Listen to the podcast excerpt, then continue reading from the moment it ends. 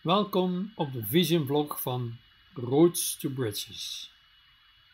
Jouw luisterend oor vrij van elke vorm van oordelen. Ik ben Erik van Poeken, jouw gastgeer, en wil graag een aantal zaken delen uit mijn vele begeleidingen. Mensen komen bij mij met een verhaal. Een verhaal met negatieve gedachten en gevoelens. Deze verhaal doet me telkens denken aan Erik Barne met transactionele analyse. Hij stelt: communicatie kun je vergelijken met een spel. Een spel met begin, een middenstuk met spelregels en een einde, een doel. Een voorbeeld: je bent in de wachtzaal bij de dokter.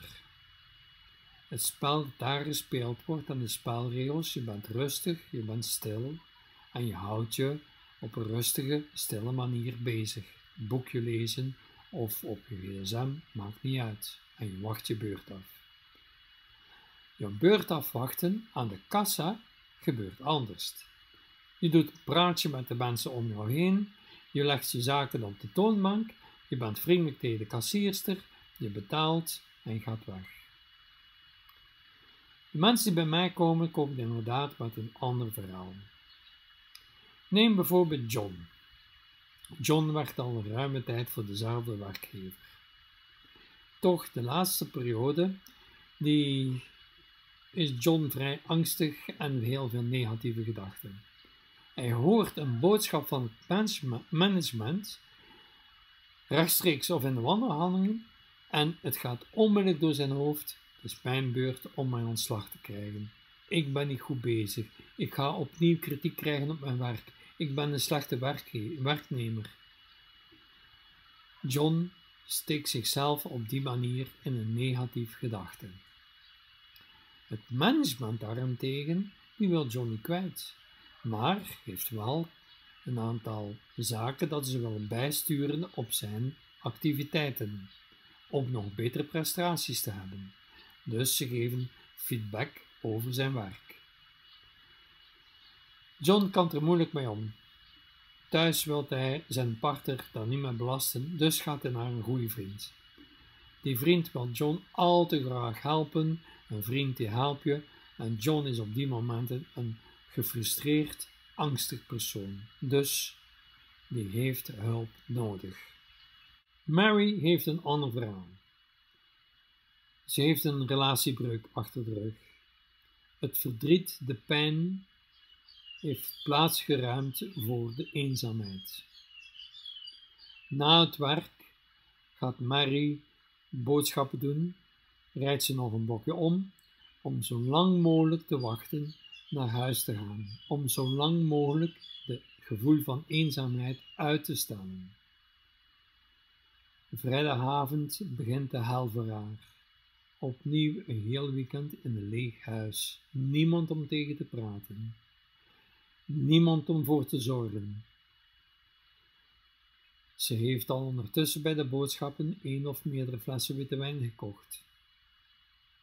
Witte wijn die hem gedachten doet verdoven, gevoelens doet verdoven en verdooft vals in slaap als we die twee verhalen gaan bekijken vanuit transactionele analyse en het spel, de drama-driehoek, drama van toneel, die merken we tweemaal hetzelfde op. Zowel John en Mary voelen zich niet oké. Het is niet oké dat er dreigend ontslag komt. Het is niet oké hoe ik mij voel als ik me eenzaam ben. Het management voor John is niet oké. Okay. Mary zichzelf, haar gedachtegang, die er naar de eenzaamheid stuurt, zijn niet oké. Dus ik niet oké, jij niet oké, dat noemen we slachtoffer. John en Mary zijn slachtoffer. Nu, het management voor John en Mary zelf met haar gedachtegang, die zorgen ervoor dat Mary en John zich niet oké voelen. De boodschappen worden gestuurd vanuit ik oké. Maar de anderen, Mary en John, zijn niet oké. Die zijn, het gedrag is voor verbetering vatbaar. Dus ik oké, jij niet oké. Dat noemen we vervolger. Een situatie of een persoon die ervoor zorgt dat iemand anders zich slachtoffer voelt. Het slachtoffer op zijn beurt gaat iemand gaan opzoeken die wil gered worden. De redder die geeft het slachtoffer advies, want niet alleen het gedrag, maar het is zo'n zielig persoontje op dat moment, een gefrustreerd persoon, als persoon zijnde en het gedrag, die moet dringend hulp hebben. Dus de redder doet vanuit ik oké, jij niet oké. Even samenvatten. Slachtoffer, ik oké, jij niet oké. Vervolger, ik oké, jij niet oké. En redder ook, ik oké, jij niet oké. Ik stel nu dezelfde vraag als ik bij iedereen doe in mijn begeleiding. Herkenbaar? Slachtoffer, vervolger, redder, is dat herkenbaar ook bij jou? Op welke momenten, in welke situatie voel jij je slachtoffer, vervolger of redder? Laten we samen oefening doen. Voor we de oefening doen, vraag ik jou de video even stop te zetten, een blad papier te nemen en een pen. Oké, tot straks. Terug, klaar. We gaan aan de slag. Op je blad papier die teken je de driehoek en geef je aan elk punt de juiste positie aan en een naam. Redder, slachtoffer, vervolger. Duid nu aan waar je bent in jouw verhaal. Klaar?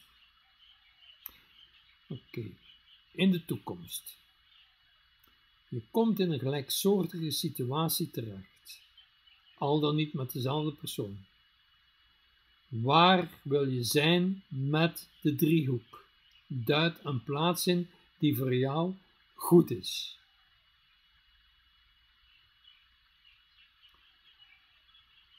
Heel veel in mijn begeleiding zeggen slachtoffer. Hoe voelt dat, slachtoffer te zijn? Andere vraag.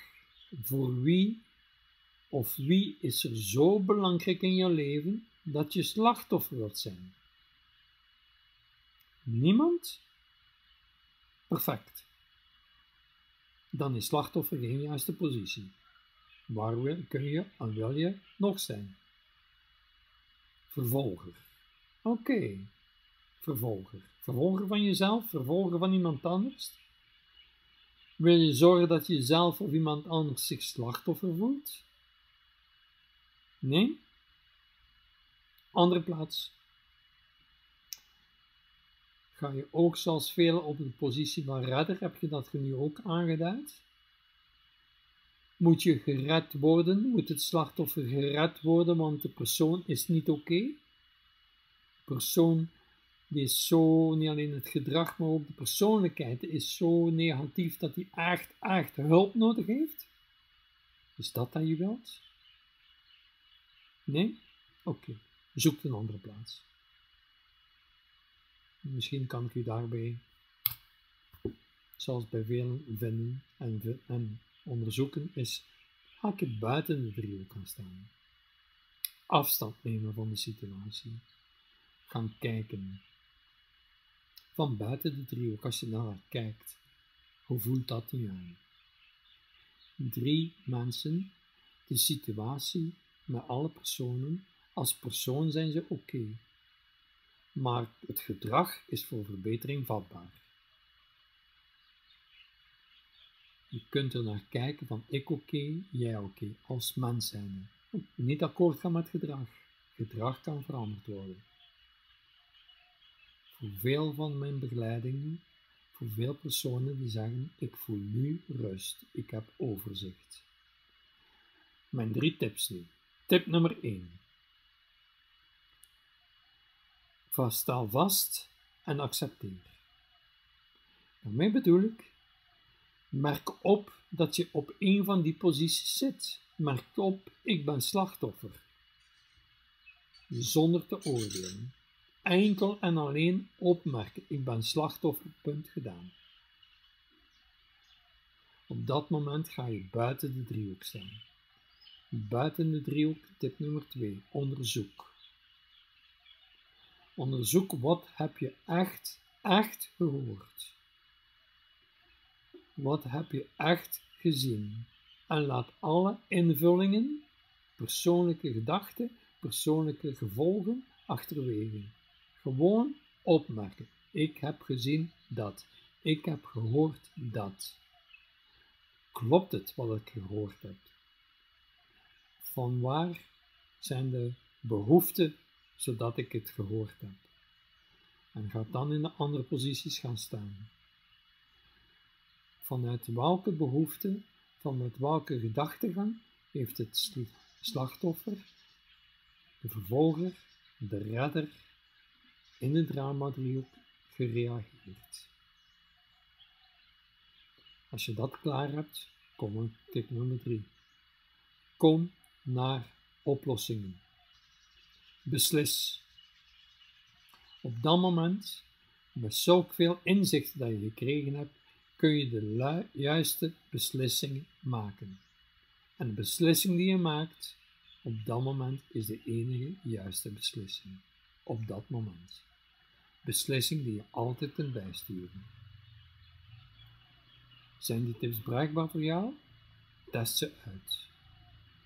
Het is mijn advies om het te doen, maar het advies weerhoudt je niet om professioneel hulp van een Roots to Bridges coach in te roepen, hier in Thailand of online. Geef ons jouw feedback, jouw reacties op de Vision Vlog of op jouw ervaringen als je buiten de driehoek staat. Zend ons een mail. Tot de volgende. Veel succes!